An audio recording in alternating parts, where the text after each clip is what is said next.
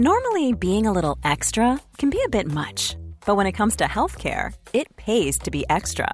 And United Healthcare makes it easy with Health Protector Guard fixed indemnity insurance plans. Underwritten by Golden Rule Insurance Company, they supplement your primary plan, helping you manage out of pocket costs without the usual requirements and restrictions like deductibles and enrollment periods. So when it comes to covering your medical bills, you can feel good about being a little extra. Visit uh1.com to find the Health Protector Guard plan for you.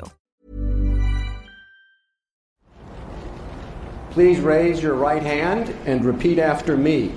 I, Joseph Robinette Biden Jr., do solemnly swear I, Joseph Robinette Biden Jr., do solemnly swear that I will faithfully execute that I will faithfully execute the office of President of the United States office of President of the United States, and will, to the best of my ability, will to the best of my ability preserve, protect, and defend preserve, protect, and defend the Constitution of the United States. the Constitution of the United States. So help you God. So help me God. Congratulations, Mr. Thank. President.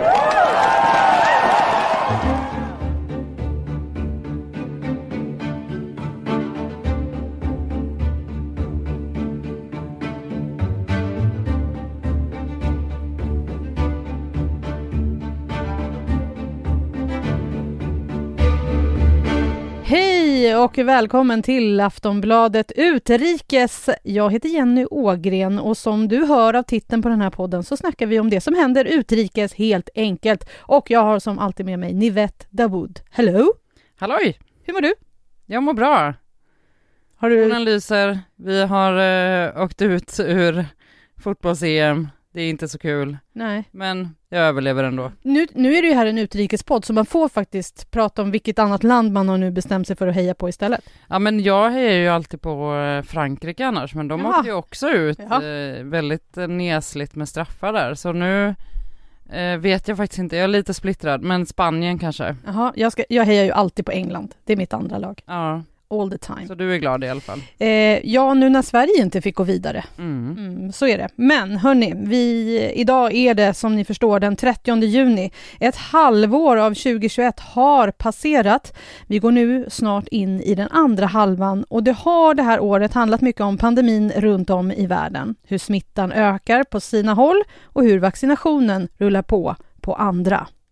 Det här halvåret har vi också sett konflikten mellan Israel och Palestina blossa upp. Vi har sett en statskupp i Myanmar där hundratals dödats. Under sex dagar i mars så såg vi hur fartyget Evergiven blockerade Suezkanalen och vi såg också en Super League i fotboll födas och dö inom loppet av tre dagar. Det har som vanligt varit ett händelserikt halvår. I det här avsnittet så ska vi ta och djupdyka i en av de största händelserna som rör hela världen, nämligen USAs nya president Joe Biden. Sedan den 20 januari så är han världsledaren nummer ett. Han tillträdde ju posten efter en omtumlande start på januari efter att demonstranter stormat Kapitolium och med en avgående president som anklagade allt och alla för att valet var riggat. Så hur har Joe Bidens första halvår som USAs 46 president varit? Vad har han åstadkommit? Och hur stor är skillnaden för befolkningen? Vad har varit bra och vad har varit dåligt med president Biden? Och nu ett halvår senare så har också förre presidenten Donald Trump krupit ut från sitt gömställe i Mar-a-Lago i Florida. Han är ju fortfarande avstängd från både Twitter och Facebook, men i helgen som var så inledde han någon form av comeback-turné i Wellington i Ohio och hans mest trogna anhängare hade väntat länge på honom. Vår korrespondent i USA, Emily Svensson, var på plats och vi ska senare i podden snacka med henne om hur det var och hur experter och vanligt folk i USA ser på en eventuell comeback för Donald Trump. Men nu kör vi! Det gör vi. Mm, ni vet. Vad är ditt intryck av Joe Biden som pres? Ja, men han verkar väl trevlig, eller? Ja, eller? Nej men så här, det är ju verkligen en eh, enorm kontrast för hela världen, eh, både USA och, och eh, alla andra länder, att ha liksom en lugn och kanske nästan lite tråkig president i USA, eh, i alla fall i jämförelse med den förra. För Joe Biden blev ju hånad faktiskt av Donald Trump som eh, Sleepy Joe under valkampanjen. Donald. Trump älskar ju smeknamn, på, sätta smeknamn på folk. Mm. Och även eh, om han är ju såklart mycket lugnare så jag tycker faktiskt inte att han är så himla sleepy. Eh, men, men som sagt, lugn och stabil. Och det är kanske det som världen har behövt. Mm. Så vad har han åstadkommit då de här första sex månaderna? Ja men det har ju såklart varit väldigt mycket kring eh, covid-19 och eh, pandemin. Det, hans allra första presidentdekret som han skrev där i eh, januari, det rörde covid-19. Det, det handlade bland annat om munskyddskrav i alla federala byggnader bland annat. Och sen så eh, rullade det på. Man hade ju redan börjat eh, vaccinera då i USA och eh, han satte snabbt upp eh, ett vaccinmål om eh, 100 miljoner givna vaccindoser på 100 dagar. Det nådde han. Och så satte han upp ett eh, till eh, om 200 miljoner doser. Det nådde han också. Och det går väldigt snabbt nu med vaccineringen mot covid-19 i USA och just nu faktiskt så vaccinerar man ju personer under 18 år.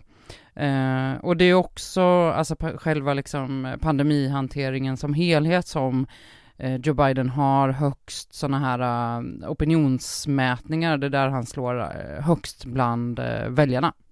Ja, det är ju så. Pandemin har ju verkligen dominerat den här eh, världen eh, sedan mars 2020 och när det gäller just covid och vaccineringen så precis som du säger, USA ligger väldigt bra till nu. Så då undrar jag då så här, är det här Bidens förtjänst eller är det så att Trump-administrationen faktiskt har en del i det här? Ja, det där är ju en fråga som eh, man kan säga att båda vill ju ta åt sig äran här. Ehm, men det är väl kan man säga en, en kombination av bådas beslut. För att eh, Donald Trump hade ju en sån här eh, Operation Warp Speed som man kallade det. Alltså sin liksom coronakommitté eller corona Eh, grupp och där var man faktiskt väldigt snabb med att få fram eh, vaccin, två stycken akutgodkända vaccin på väldigt kort tid. Eh, och som sagt, vaccineringen började redan eh, innan dess att eh, Joe Biden fick makten. Sen så har han verkligen liksom accelererat eh, och skyndat på vaccineringen. Och sen utöver det så har ehm, han ju också fått igenom i kongressen ett, ett stort, stort covid-paket kan man sammanfatta det med. Det, jag kan nästan inte ens säga de här siffrorna, men 1900 miljarder dollar ligger det på. Det, det är verkligen inte kattskit liksom. Alltså det går inte ens att föreställa sig hur mycket pengar det är. Nej, det är väldigt mycket pengar och det handlar om, om eh, förstås väldigt mycket olika saker, eh, ekonomisk kompensation bland annat. Eh, så att det, alltså för, för Bidens del så har det eh, Eh, gått allra bäst i liksom coronafrågan om man tittar på vilka frågor som, som han också sa tidigt att han ville prioritera och lyfta och det är ju kanske inte så konstigt eftersom eh, det är den frågan som också har varit mest akut och eh, på ett sätt också ganska man ska inte säga enkelt, men, men liksom det är ganska eh, lätt på ett sätt att få snabba resultat. Om man sätter ett vaccinmål eh, så är det ju liksom, visst, logistiskt kanske lite krångligt, men det är ändå någonting som alla vill ska ske liksom. Så att det finns en, eh, en överenskommelse där mellan eh, partigränser i alla fall. Mm. Och sen då USAs motsvarighet till Tegnell, Anthony Fauci. Han var hatad av Trump. Nu är han typ bästis med Biden. Ja, ja men det, det har ju varit en, eh, en speciell resa att följa det här. Alltså, eh, han har ju såklart eh, på ett väldigt amerikanskt sätt eh, talat ut i medier om det här. Eh, att, det, att det var då en frihetskänsla liksom att från att ha gått till eh, mitt under liksom pågående pandemi få eh, skäll och skit av den sittande presidenten lite då och då eh, faktiskt och aldrig kanske riktigt veta innan heller när det skulle ske. Eh, och liksom stå ut med att, eh, alltså utöver det, att liksom landets högste ledare också kom med liksom falska påståenden eh, om, alltså vetenskap om, om, om, om viktiga häls hälsofrågor och liv och död liksom. Men menar du då när Trump liksom gick ut och pratade om att man skulle dricka rengöringsmedel för att bli av med corona? Ja, bland annat den där lilla detaljen Den liksom. lilla. Så det är ju, det är många som tycker nu att Anthony Fauci, han, han är ju liksom, han har ju aldrig blivit av med jobbet, men, men det har ju hintats om att han kunde bli det ganska många gånger under Trump. Men, men han är ju högst eh, chefen för det som man kan säga är smittskyddsmyndigheten och dessutom kan man säga medicinsk liksom, rådgivare till Joe Biden. Så att, eh, det är många som menar att han, han har liksom fått en revansch, men sen så finns det också i USA, det ska man verkligen säga, den här diskussionen som vi också har kring våran liksom, eh, Folkhälsomyndighet och statsepidemiolog Anders Tegnell om liksom åtgärder som har varit, eh, borde man ha gjort si och så tidigare, vad visste man, vad visste man inte och sådär. Mm. Okej, men så corona går bra mm. för, eh, eller covid-grejen går bra för Joe Biden. Trump, han var en stor klimatförnekare. Eh, men redan samma dag som Biden svors in så såg han till att signa upp USA till Parisavtalet igen. Ja, och det var faktiskt inte bara Parisavtalet, alltså det som handlar om eh, eh klimatåtaganden. Eh, för han tillsatte ju också en eh, klimatrepresentant, liksom, en klimatambassadör och det var inte vem som helst, det var ju John Kerry, alltså tidigare utrikesminister. Eh, och sen så var det eh, också fler eh, avtal och samarbeten som Trump tog ut USA ur och som Joe Biden tidigt och tydligt sa att eh, Eh, vi ska tillbaka in i det här. Eh, eh, samarbetet med Världshälsoorganisationen som ju är jätteviktigt nu, särskilt då under en pandemi eh, och där USA har en väldigt viktig roll. Alltså det handlar eh, om eh, vaccinframställning, eh, att skänka doser som vi pratar mycket om till andra, till fattigare länder och sådär. Ehm, och sen också så har ju Joe Biden också lite sakta men säkert kan man säga sträckt ut en hand om att förhandla om det här kärnenergiavtalet med Iran. Det, det det är inte lika enkelt att bara trycka på en knapp eller vad man ska säga och så är man tillbaka i det avtalet utan det där eh, det var ju någonting som Trump ganska tidigt sa att det här är sämsta avtalet i världshistorien det. och eh, det lämnade man eh, till stor del eh, det är liksom en kongressfråga så det är inte heller, det var inte lika lätt heller att ta sig ur det. Men ditåt vill ju Joe Biden, för han var ju med och tog fram det här eh, avtalet med Iran Eh, under sin tid som vicepresident. Så att eh, det närmar man sig också liksom. Mm. Sen har han ju också visat eh, någon form av machoman, att han är det, i och med bombningar i Syrien. Eller alltså man tänker kanske att det är macho att bomba.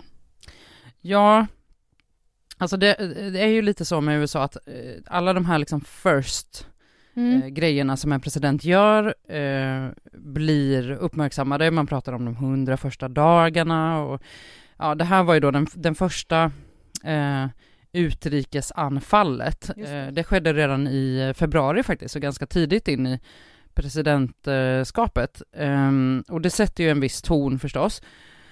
Och det var ett svar um, på en, um, alltså att amerikanska styrkor hade attackerats i de kurdiska delarna av uh, Irak, um, där man ju har uh, samarbetat tidigare eh, mot Islamiska staten.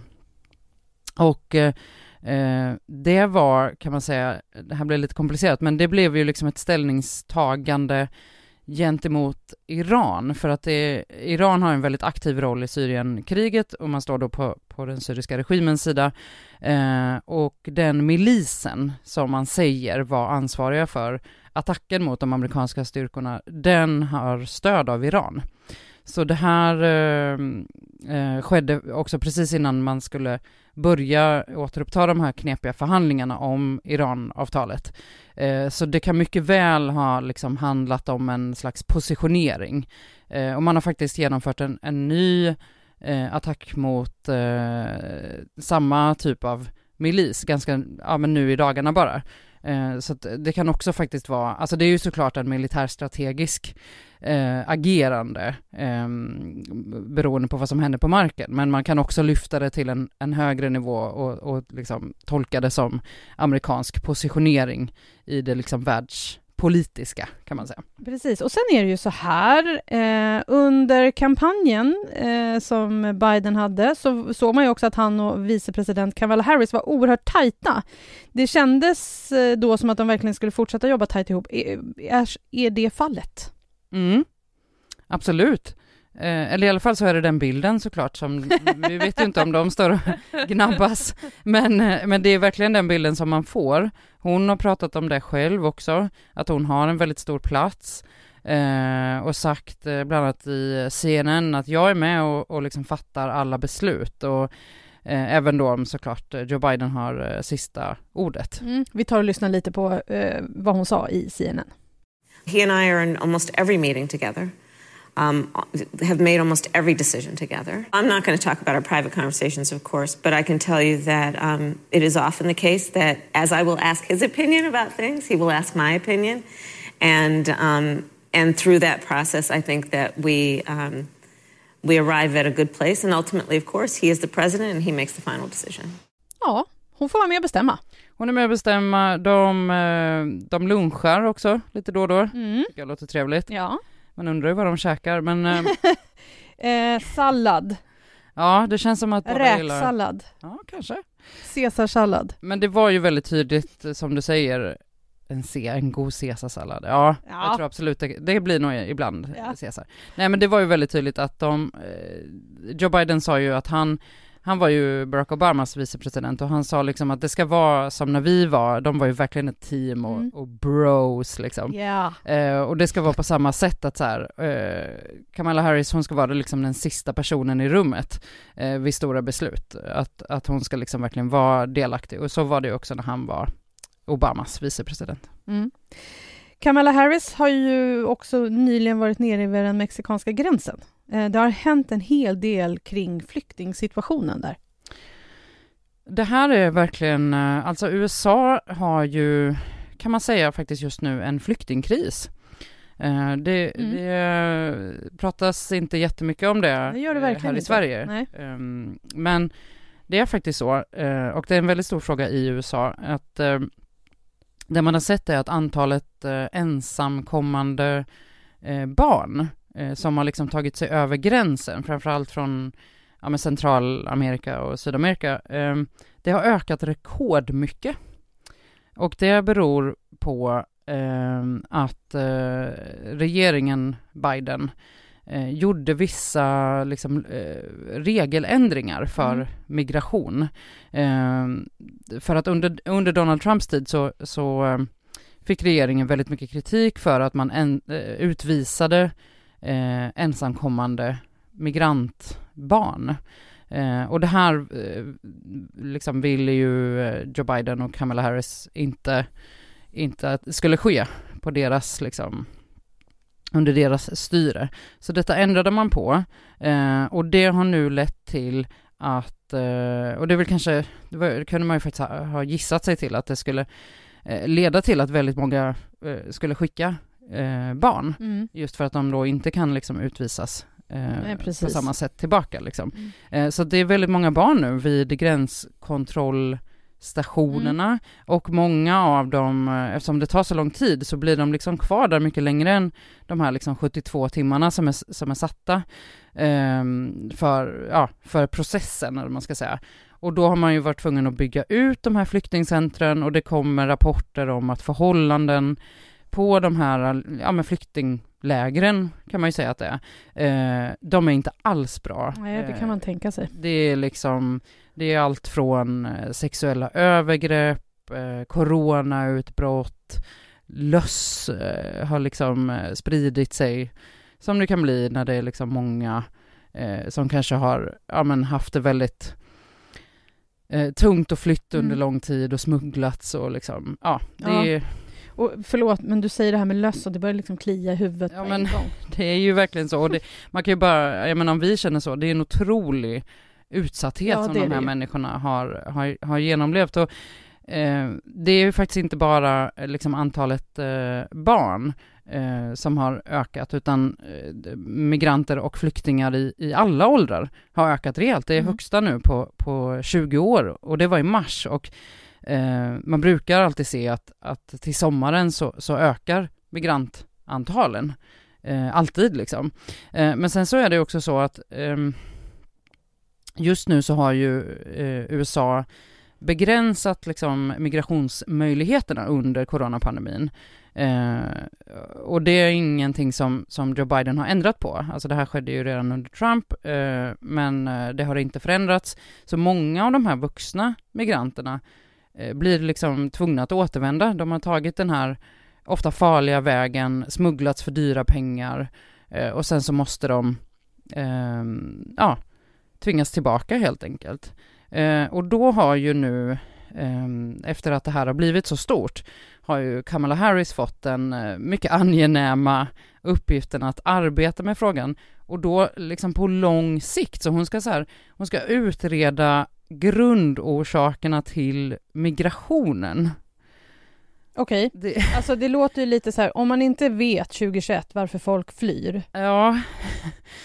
Nej men det, det... det kan inte vara så lätt att Nej. utreda. Eller så är det jättelätt att utreda och bara, okej, folk har en misär i sina hemländer. Ja, men precis. Alltså, det är ju, det är ju både, eh, alltså man kan ju nästan liksom så här tycka att det känns lite konstigt när de, när de säger så, men det är ju egentligen en jättesvår fråga för att den är, har ju knappast någon lösning och det ser ju olika ut för de olika länderna som människor Mm. eh, lämnar också, men alltså det, det som såklart, det som menas är ju att eh, det är ju många, alltså de som tar sig från exempelvis då Guatemala, Honduras, El Salvador till USA, många gör ju det för att de inte ser någon möjlighet att bygga upp ett bra liv i sina hemländer och att det beror på korruption eller kriminalitet och fattigdom och um, allt det här är ju inte alltid skäl för asyl. Eh, och då menar ju USA, eh, och det här är verkligen inte en fråga som, som bara Biden och, Harris eh, brottas med, men att man behöver liksom bygga upp bra relationer med de här länderna istället. Eh, och, eh, och det är ju liksom det som Kamala Harris ska göra. Eh, så hon har till exempel varit i Guatemala, hon, det var hennes eh, första utrikesresa som vicepresident, och då, då sa hon faktiskt rakt ut att kom inte till USA, vi kommer att behöva liksom utöva våran gränskontrollerande makt, eller vad man ska säga. Mm, och det där lät ju väldigt hårt när hon sa det, när, när det liksom är taget ur sin kontext innan Ja. man fattar liksom, jaha, varför säger hon så? Nej men verkligen, och det, alltså det som man, man får ju liksom titta på, på det hon, det, det var nog tänkt att låta hårt, just för att, eh, alltså människor betalar ju smugglare eh, massvis med pengar för, för en, som sagt ofta livsfarlig resa, de kan dö på vägen, och sen då när de kommer fram så eh, blir väldigt många tillbaka skickade. Och det är det hon menar att, att ta inte den här enorma risken för eh, det är ganska troligt att du kommer att bli tillbaka skickad utan att man nu då vill fördjupa relationerna med de här länderna för att eh, människor på plats då ska, ska få det bättre. Och till exempel en sån åtgärd som hon då presenterade när hon var i Guatemala var att man skänker eh, coronavaccin till Guatemala. Så att man försöker liksom ja, men återuppbygga relationerna, samarbeta. Man är ju liksom grannländer och, och har mycket influenser av varandra. Liksom. Och det har ju inte heller varit Eh, en jättebra relation under Donald Trumps tid eh, med liksom hans, han ville ju förstärka murbygget och sådär. Han hade ju inte en, en särskilt migrationsvänlig linje kan man säga. Så att det här är en jättestor fråga, jättesvår, eh, men som hon då har fått ansvar för och det är ju det är ett stort ansvar. All right, då ska vi ta och kolla på det som också är oerhört viktigt när man är en världsledare, nämligen relationen till andra världsledare och utlandet. Vad säger du Nivette? Hur går det för Biden och hans relationer? Det här tycker jag är faktiskt väldigt spännande, för det var ju en sån här sak som Joe Biden sa väldigt tydligt, att USA skulle ta tillbaka sin plats på världsarenan. Um, och det var ju verkligen en, en eh, tydligt skifte från Donald Trumps eh, sån här America first politik när han lämnade avtal efter avtal och sådär. Och um, en uh, rätt så tydlig händelse under det här första halvåret i alla fall, det är ju det här G7-mötet i Cornwall i Storbritannien. Mm. Dels så var det ju Joe Bidens första stora sånt här utrikesmöte som president och sen så var det ju faktiskt också eh, första stora, eh, vad ska man säga, på plats-mötet för, för flera andra ledare eftersom det ju har varit en coronapandemi. Mm. Nu ska jag läxförhöra dig på G7-länderna. Oj, Eh, Det är viktigt för Ja, lyssnaren att nej, de men- vet vilka det är det handlar om. ja men exakt. USA, Storbritannien, Tyskland, Frankrike, Kina. Nej. Det, det andra landet som ligger lite längre österut än Kina. Japan. Ja. Men Kina var nämligen också där. Mm. Hur många har jag sagt nu? Du har sagt fem. Du har två kvar. Eh, nej men det står helt still, du får fylla. Italien och Frankrike också. Ja men Frankrike sa jag. Mm. Och Kanada då? Eh, nej, Kanada sa jag inte. Nej. Så, Ja. Okej. Det går jättebra här nu. Det går jättebra. Nu kör vi vidare. Eh, experten. Eh, Det hölls i alla fall i. Storbritannien. jajamän. Eh, det var ju så att när, när, när Biden ändå var på plats av den här sidan Atlanten så passade han på att träffa Vladimir Putin, Rysslands president. Eh, relationen mellan USA och Ryssland har ju varit iskallt under en lång, lång tid. Det har inte blivit bättre under Trump, så hur är relationen nu? Ja men det, bättre under Trump, alltså den var ju bara väldigt, väldigt märklig under Trump, Ja. är väl det man kan säga. För att, om vi säger så här, eh, Donald Trump tyckte ju om Vladimir Putin. Mm. Det var ingen tvekan om saken. Men hans eh, liksom landsmän tyckte inte riktigt om den relationen. För att den var, det var svårt att veta vad som fanns där. Eh, och framför allt så kunde ju liksom inte, eh, det, man kunde inte veta riktigt om eh, Eh, framförde kritik som behövde framföras till exempel kring eh, hackerattacker mot det amerikanska valet och också liksom andra storpolitiska ställningstaganden som USA eh, ju vanligtvis gör mot Ryssland. Men eh, nu då eh, när Joe Biden och eh, Vladimir Putin skulle ses på eh, G7-mötet så var det väldigt många som bara menade att att de ses Mm. är den stora grejen här. Det var liksom ingen som väntade sig eh, några konkreta resultat riktigt, utan bara en omstart faktiskt av de diplomatiska relationerna. Mm. Och det var i princip det som hände också.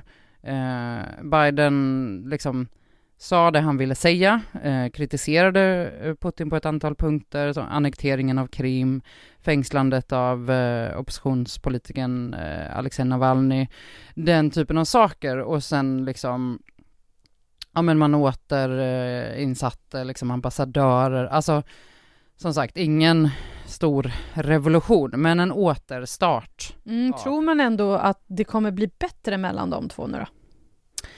Ja alltså om inte annat så eh, kommer det bli lite mer eh, stabilt Mhm. eh, och liksom eh, ja men det, bättre och bättre, alltså det kommer vara en relation Mm. som inte har så mycket frågetecken.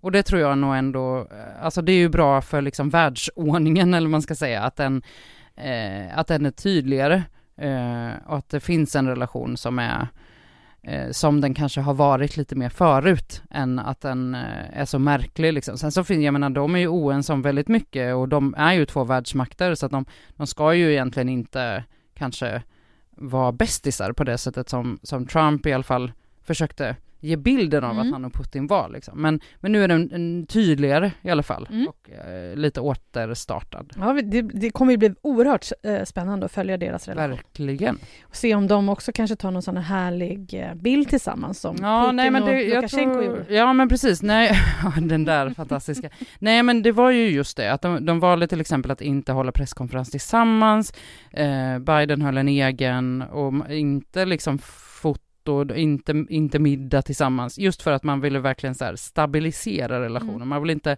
att det ska eh, finnas någon tveksamhet kring vad USA tycker om Ryssland, men en relation måste ändå finnas. Mm, det är ändå så att ofta över en bit mat som det kan bli lite avslappnat. Ja, men det var väldigt tydligt att Ja. här skulle inte ätas ihop. Här ska inte ätas ihop, nej. Nej, ingen Om- Caesar där inte. Nej, nej, nej. Men om vi block, blockar, blickar lite ännu längre österut. Vi blickar mot Kina som ju faktiskt känns som en mycket mer intressant relation egentligen än den med Ryssland. Är det för att, kanske för att vi är trötta på kalla kriget eller vad? Men också pandemin började i Kina. Trump kallade det för Kina-viruset i början, vilket ju bland annat ledde till en hel del rasism. Det har också snackats mycket om att coronaviruset skapade sitt labb i Wuhan. Så relationen till Kina då, hur är den? Jag håller med om att det är väldigt intressant och jag tror att det är, alltså både såklart på pandemin men också eh, kan man se i olika mätningar att amerikanska folket har, kan man säga, fått upp ögonen lite för Kina. Eh, och inte bara på ett positivt sätt, utan kanske snarare att man ser det som ett större hot faktiskt än Ryssland, just då eh, framförallt för att coronaviruset upptäcktes där, men också för att man börjar eh, se Kinas roll som en stormakt. Mm. Alltså att ett virus kan, eh, kan upptäckas där och sen påverka hela världen. Det är ju ett, kanske det absolut tydligaste beviset, men också att det är en enorm ekonomi ju. Mm. Eh, och, och det här är ju också intressant därför att Joe Biden eh, har hela tiden pratat om ehm, liksom demokratier mot autokratier.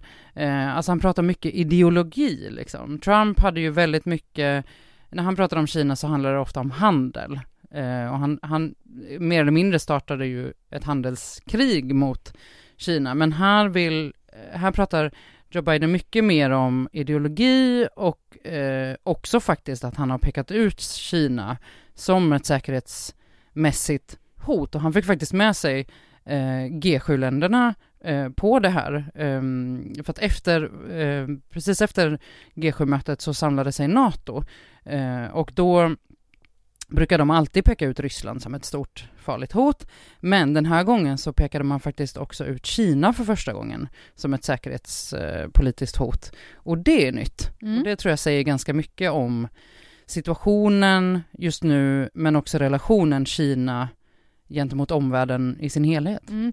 Det var en himla massa möten de häng, eh, han med där. Ja, Ja, men det är väl lika bra att ta alla. liksom, allting, allting på en gång. Men ja. är det inte ändå så himla- intressant att det har vänt på något sätt, liksom att Kina är ett större hot än Ryssland?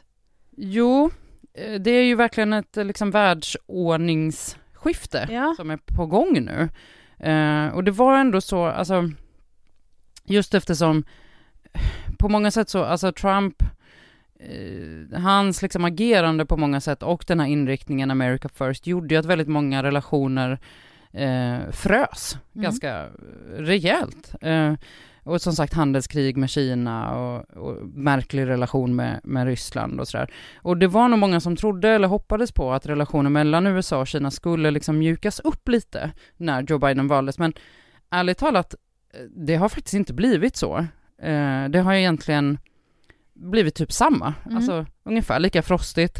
Eh, det är inte, man har inte rivit upp eh, särskilt mycket av Trumps eh, de här liksom handelssanktionerna på varor och liksom svartlistning av kinesiska företag. Det är, det är som sagt den här ideologiskiftningen som Biden har gjort, men eh, man har kvar som sagt vissa eh, av sanktionerna och har till och med infört några, några nya dessutom. Liksom. Mm. Ja, alltså vi kommer ju fortsätta följa eh, relationen mellan Kina och USA med spänning framöver, för den är ju även väldigt avgörande för oss här hemma i Sverige. Eh, för några veckor sedan så pratade vi om konflikten mellan Israel och Palestina som blossade upp igen under våren. Just nu så råder eldupphör och Israel har också en ny premiärminister efter att man aktivt fått bort Benjamin Netanyahu. USA har ju alltid varit god vän med Israel, så hur är det nu då när Joe Biden är president? Ja, Mm. som sagt, USA och Israel, de har ju alltid haft väldigt starka band och även här hade ju Donald Trump en väldigt, eh, så att säga, unik relation Mm. med eh, Benjamin Netanyahu och nu är ju faktiskt båda då borta från makten. Yes. Och det var ju verkligen så att eh, Trump hade en, en slags dröm om att liksom lösa freden i Mellanöstern. Det var väldigt eh, storartade planer. Eh, men sen faktiskt, eh, han, han slöt ju, det kan man säga, han slöt ju, eller han, det ledde till att det slöts vissa avtal mellan Israel och en del arabländer. Mm. Eh, det kan man absolut poängtera, men eh, den här nära relationen till Netanyahu och faktiskt också flytten av ambassaden, amerikanska ambassaden från Tel Aviv till Jerusalem, det var ju inte direkt så att det ledde till fredliga relationer så mycket som egentligen ökade spänningar, ärligt talat. Eh, och nu då så har eh, båda länderna eh, nya regeringar och eh, USAs utrikesminister Antony Blinken och Israels nya eh, utrikesminister Yair Lapid, de eh, träffades faktiskt nyligen. Och då sa man, eh, jag tyckte att det var ganska tydligt hur man beskrev då att nu ska länderna snarare fokusera på pragmatisk diplomati Mm. snarare än dramatiska initiativ. Eh, och det gör man ju inte bara för att man vill ha lugn och ro, utan för att det för att slippa fungera liksom som eh, slagträ för oppositionen som är också väldigt stark i, i båda länderna. Oppositionen i Israel är ju då Netanyahu. Mm. Eh, men USA är väl också det enda land som typ kan säga till Israel på skarpen att nu får ni skärpa er, sluta kriga. Ja, så, ja. så, på ett sätt kan man säga det, men, men det var också väldigt intressant eh, tycker jag, alltså det här kriget som var nu, eh, framförallt i, i Gaza men också i liksom delar av Israel med, med attacker, Ehm, då, eh, alltså man kan säga så här att när, eh, det var ju lite så att, att Netanyahu eh, nog upplevde att han hade liksom ett lite friare spelrum under eh, Trump. Ehm, men nu så, eh, sättet man för diplomati på har ju förändrats ganska mycket med den här presidenten och, och, och med liksom utrikesministern då, som är ju, ju är den som, som ofta för eh, diplomatiska frågor mm. utrikes. Och det som USA gjorde nu, det var ju att man egentligen kan man säga använde sig av en tyst diplomati för att eh, trycka på mot Netanyahu. Eh, och, så det var liksom en helt annan ton. Mm. Eh, men absolut är det så att det USA säger är ju väldigt viktigt för Israel. Eh, så att många väntade ju till exempel på att USA skulle sätta ner foten eh, under de här stridigheterna.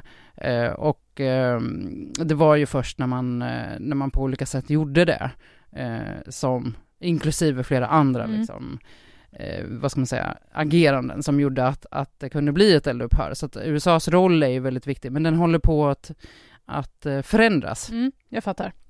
Eh, det har ju också ganska många gånger snackats om en medling, om man försöker få till en fredsprocess mellan Israel och Palestina. Det har gjorts så många försök. Vad tror du om Biden då? Vill han försöka sig på det? Ärligt talat så tror jag faktiskt inte det. Eh, Nej, för att, eh, ja, dels är det tidigt i hans, eh, det här är någonting som presidenter ofta försöker med som en sista fjäder i hatten. Och jag tror att Joe Biden kommer att lägga sitt krut på, på andra eh, utrikesfrågor helt enkelt, för att just nu står parterna, alltså Israel och palestinska styret väldigt, väldigt långt ifrån varandra. Och jag tror att eh, Joe Biden helt enkelt, eh, jag tyckte man såg det lite på USAs agerande också under den här konflikten, att man inte ville, man gick inte in som till exempel Donald Trump kanske hade gjort direkt och sa att nu får ni lägga av eller liksom mm. ställde sig på någon sida eller så. Utan att man kanske kommer fortsätta med den här tysta diplomatin lite mer. Eh, och sen såklart, alltså man kommer inte helt lämna eh, området, för Mellanöstern är ju jätteviktigt för USA, inte bara Israel utan Iran som vi nämnde. Mm. Eh, så att man kommer nog arbeta lite mer under radarn, kommer inte bli sådana här uh, större avtal som Trump försökte ingå. Eh, jag tror inte att det kommer bli något liksom större fredsprojekt också faktiskt för att Joe Bidens parti, Demokraterna, där börjar det växa en ganska stor splittring i frågan också, för att det är fler och fler av till exempel kongressledamöterna som talar lite mer högljutt nu för Palestinas sak. Eh, så det är nog eh, enklast för Biden att bara inte liksom involvera sig. Han har en väldigt skör majoritet i kongressen mm. dessutom. När vi ändå är inne på relationerna med utlandet Eh, ni vet, när Biden var över då på vår sida av Atlanten i Storbritannien för att träffa G7-länderna bland annat, så träffade han ju också den viktigaste personen i Storbritannien, nämligen drottning Elizabeth. Han lyckades med att göra en fadäs. Mm. ja, men, Ja, det, det, det är det som är skillnaden på britterna och amerikanerna här ja. det som kommer. Just saying. Ja, men det, jag tyckte att det var lite roligt. Men du vet det här, alltså fint folk kommer alltid för sent. Ja, jag lever, jag lever ja, efter det. Jag brukar också försöka. Mottot. Mm. Absolut. Mm. Nej, men då är det så här, eh, drottningen har ju såklart tagit det här eh, till en helt annan nivå, för att det är alltid, det är liksom tradition kan man säga, att hon ska komma sist till ett eh, liksom, evenemang. Oh yes. Eh, men sen då så, eller hon och presidentparet Jill och Joe Biden, de träffades före G7-mötet faktiskt. Eh, och då kom ju Biden och hans 18 bilar fem minuter efter drottningen till den här middagen som de skulle ha. Varför har man ens 18 bilar? Ja, men för att man är president och har liksom ett säkerhetspådrag och sådär. Men, jo men 18?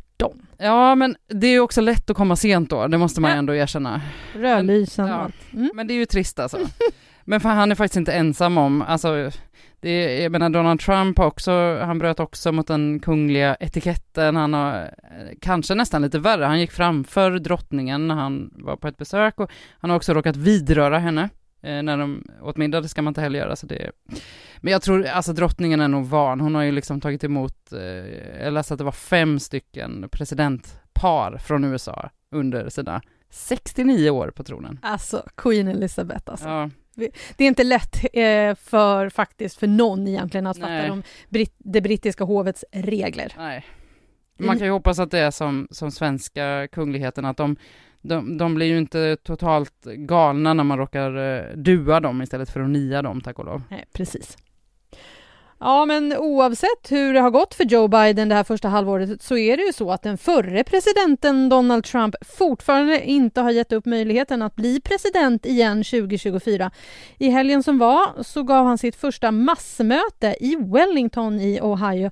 En form av comeback-turné eller hemturné eller vad man nu ska kalla det. Det har varit lite olika i media. Vi ska lyssna lite på hur det lät. After just five months, the Biden administration is already a complete and total catastrophe. I told you crime is surging, murders are soaring, police departments are being gutted, illegal aliens are overrunning their borders. Nobody's ever seen anything like it. Our poor borders, they were so perfect, they were so good. Drug cartels and human traffickers are back in business like they've never been before. They're doing numbers that they've never even thought possible. Ja, ni vet, man är ju noll förvånad över det här. Man är noll förvånad faktiskt, men eh, frågan är ju förstås då, eh, är det här mest för att liksom smeka sitt eget ego? Eller menar han allvar med de här planerna? Det är ju det man undrar, men det är kanske lite tidigt att säga än så länge. Mm. Nu ska vi i alla fall snacka med en som var på plats i Wellington, nämligen vår korrespondent i USA, Emily Svensson. God morgon säger vi till dig, Emily. Ja men god morgon. Det är varmt här i New York kan jag säga. Det är som en värmebölja över hela landet nästan. Ja, det snackas ju om extremväder eh, där borta, over there. Hur, hur varmt ska du ha det idag? Ja men 36 grader ska det nå idag. Jag håller mig inne nära Asien. Ja, men du, eh, Emily, du var ju i alla fall inte inomhus i helgen. Då åkte du faktiskt till Wellington i Ohio och kollade in Trumps första massmöte. Hur var det? Det stämmer. Alltså det var som en déjà vu. Det var ju nästan som man undrar vilket år är det nu igen? Man bara slungades tillbaka till 2020. Det var liksom samma spellista på musiken och samma eh, banderoller. Och man blir nästan lite matt på allt kampanjande. Ska det eh, börja redan nu igen till mellanårsvalet här i USA? Jag vet inte om vi är redo och hunnit ladda om för det faktiskt. Mm. Och det, det var ju ändå första gången som han träffade sina anhängare sedan han fick sluta som president. Ja, det stämmer. Så det var riktigt många på plats som var taggade. Det har ju varit lite radiotystnad från Donald Trump de senaste månaderna i och med att han också blockats från de här stora sociala medier-plattformarna. Så många hade satt fram emot det och jag träffade flera som hade till och med kampat där i sex dygn. Oj, sex gårdygn i extrem hetta, eller hur var det nu? Men du, vad var det, vad var budskapet då från Trump, skulle du säga? Alltså budskapet var att nu måste vi stå, sam stå samman och fortsätta den här fighten. Vi har ju blivit snuvade på den här valvinsten. Eh, och egentligen var han ju där för att liksom framhålla en kandidat till mellanårsvalet och att Republikanerna ska koppla grepp om kongressen igen. Man har talat om en slags hemturné och att alla republikaner som gått emot honom ska liksom rensas ut. Eh, men Trump kunde ju inte hålla sig från att tala väldigt mycket om valet 2020 och att det var fusk. Nej, det, det, jag har lyssnat igenom talet och det är ju så, han repeterar sig väldigt, väldigt mycket från det som, som vi har hört honom säga tidigare. Men hur skulle du säga nu då efter det här mötet? Eh, hur är läget i USA? Hur snackar man om Donald Trump och en eventuell comeback för honom? Men både förtjusning och fasa beroende på vem man talar med. för, för, för hans anhängare så är det ju nästan på liv och död nästan när man pratar med dem. Han måste tillbaka till makten. Men andra såklart på demokratiska sidan men också moderata republikaner. De vill ju bara att han ska göra så som traditionen brukar vara för många före detta presidenter. Att man ska glida in lite grann i bakgrunden och lämna plats åt någon annan. Vad säger man då? Saknas han i politiken? Många skulle nog säga att politiken har blivit lite tråkigare på gott och ont. Ehm, jag kan tänka mig att många demokrater tycker att han är liksom farlig för landet. Ehm, att hans retorik kan piska upp eh, att man såg tecken på det den 6 januari. Men också på sätt och vis så kan det ju vara till fördel att ha en slags politisk motståndare, att han delar det republikanska partiet och att man kan dra nytta av det. Mm, men när man inför att vi skulle göra det här avsnittet nu om Joe Bidens första halvår och den här eventuella comebacken med Donald Trump så har man ju försökt läsa på lite men det har verkat vara väldigt tyst i amerikansk media över det här massmötet och Donald Trump. Ja, jag blev lite överraskad faktiskt. Eh, och jag tror att det beror just på det här att många kanske är mer på sin vakt efter 6 januari när många ansåg att han uppviglade den här folkmassan till att storma Kapitolium. Och att han har blockats på sociala medier, att man bestämt sig helt enkelt för att inte ge så mycket utrymme till Donald Trump. Är det så att det är vi här i Sverige till exempel eh, och utomlands som liksom tycker fortfarande att det är så kittlande med honom? Ja men eh, det finns ju någon slags eh, fascination, fascination liksom att eh, den här figuren kan fortsätta på det här sättet. Att vi inte li har lika mycket investerat i det politiskt så som han kan faktiskt påverka på, på marken här i USA. Mm. Och, och sen, eh, du var inne lite på det här med, eh, med vad hans eget parti tycker om honom och om de vill ha honom som, som kandidat i en kommande presidentkampanj inför 2024. Eh, oavsett om han skulle vinna där så kan han ju ändå bara sitta i fyra år till. En annan kandidat skulle ju ha möjlighet till en längre presidentperiod men det kanske inte spelar så stor roll för dem. Nej, det är en god poäng. Han har ju enormt stöd ser vi bland väljarbasen fortfarande. Och det är ju tydligt nu att den här Trump-falangen segrat i de här interna stridigheterna i partiet. Han är en slags kingmaker och kan se till att kandidater lyfts eller faller. Och därför gäller det att hålla god fot med honom. Ehm, men vi får se om Trump vågar lämna över kronan till någon. En, en som är den uppenbara tronföljaren som verkar positionera sig för detta är Ron DeSantis som är guvernör för Florida som också verkar ha en del stöd ändå, en del undersökningar. Ja, man är lite nyfiken på vem som kanske lurar i, i vassen för ja, Republikanerna. Verkligen. Ja, men exakt. Men du, om det skulle bli så att eh, Trump väljer att eh, kandidera, vad, vad, säger experterna? Vad, tror de att han kan lyckas 2024?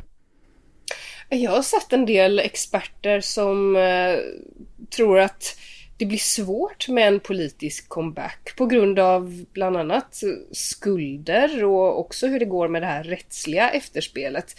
Han riskerar ju flera stämningar och till och med åtalspunkter. Senast nu i New York är ju det här aktuellt i, i veckan här.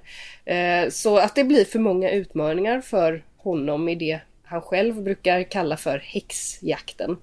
Eh, men jag tror själv kommer han fortsätta dingla med den här moroten ett, ett tag till. Men alltså, ni vet, hur schysst skulle det egentligen vara emot en annan kandidat från Republikanerna att han liksom drar på det innan han säger att jag vill vara nästa kandidat?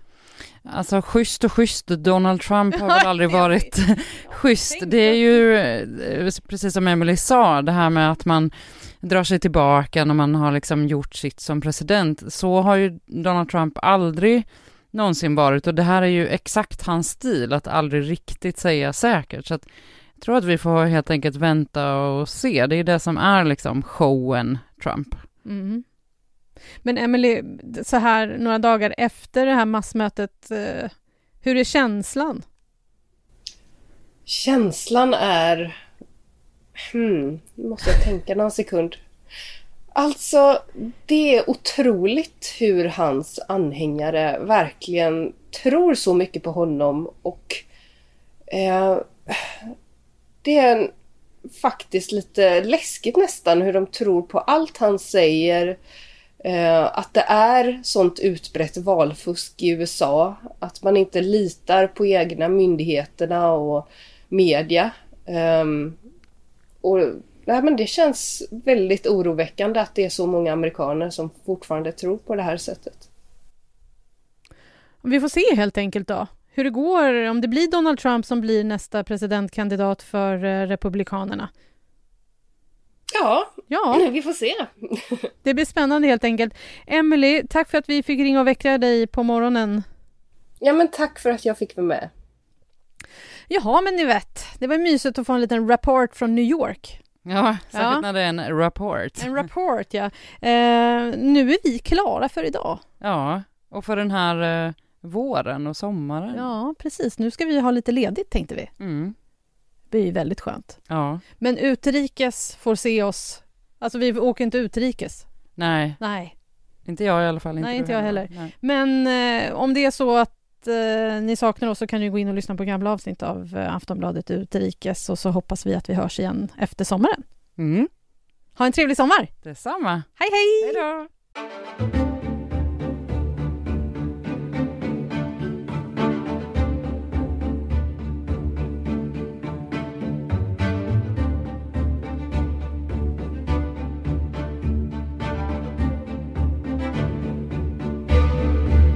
Du har lyssnat på en podcast från Aftonbladet. Ansvarig utgivare är Lena K Samuelsson.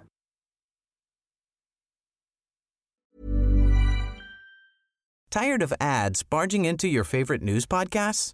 Good news. Ad-free listening is available on Amazon Music. For all the music plus top podcasts included with your Prime membership. Stay up to date on everything newsworthy by downloading the Amazon Music app for free or go to amazon.com slash news ad free. That's amazon.com slash news ad free to catch up on the latest episodes without the ads.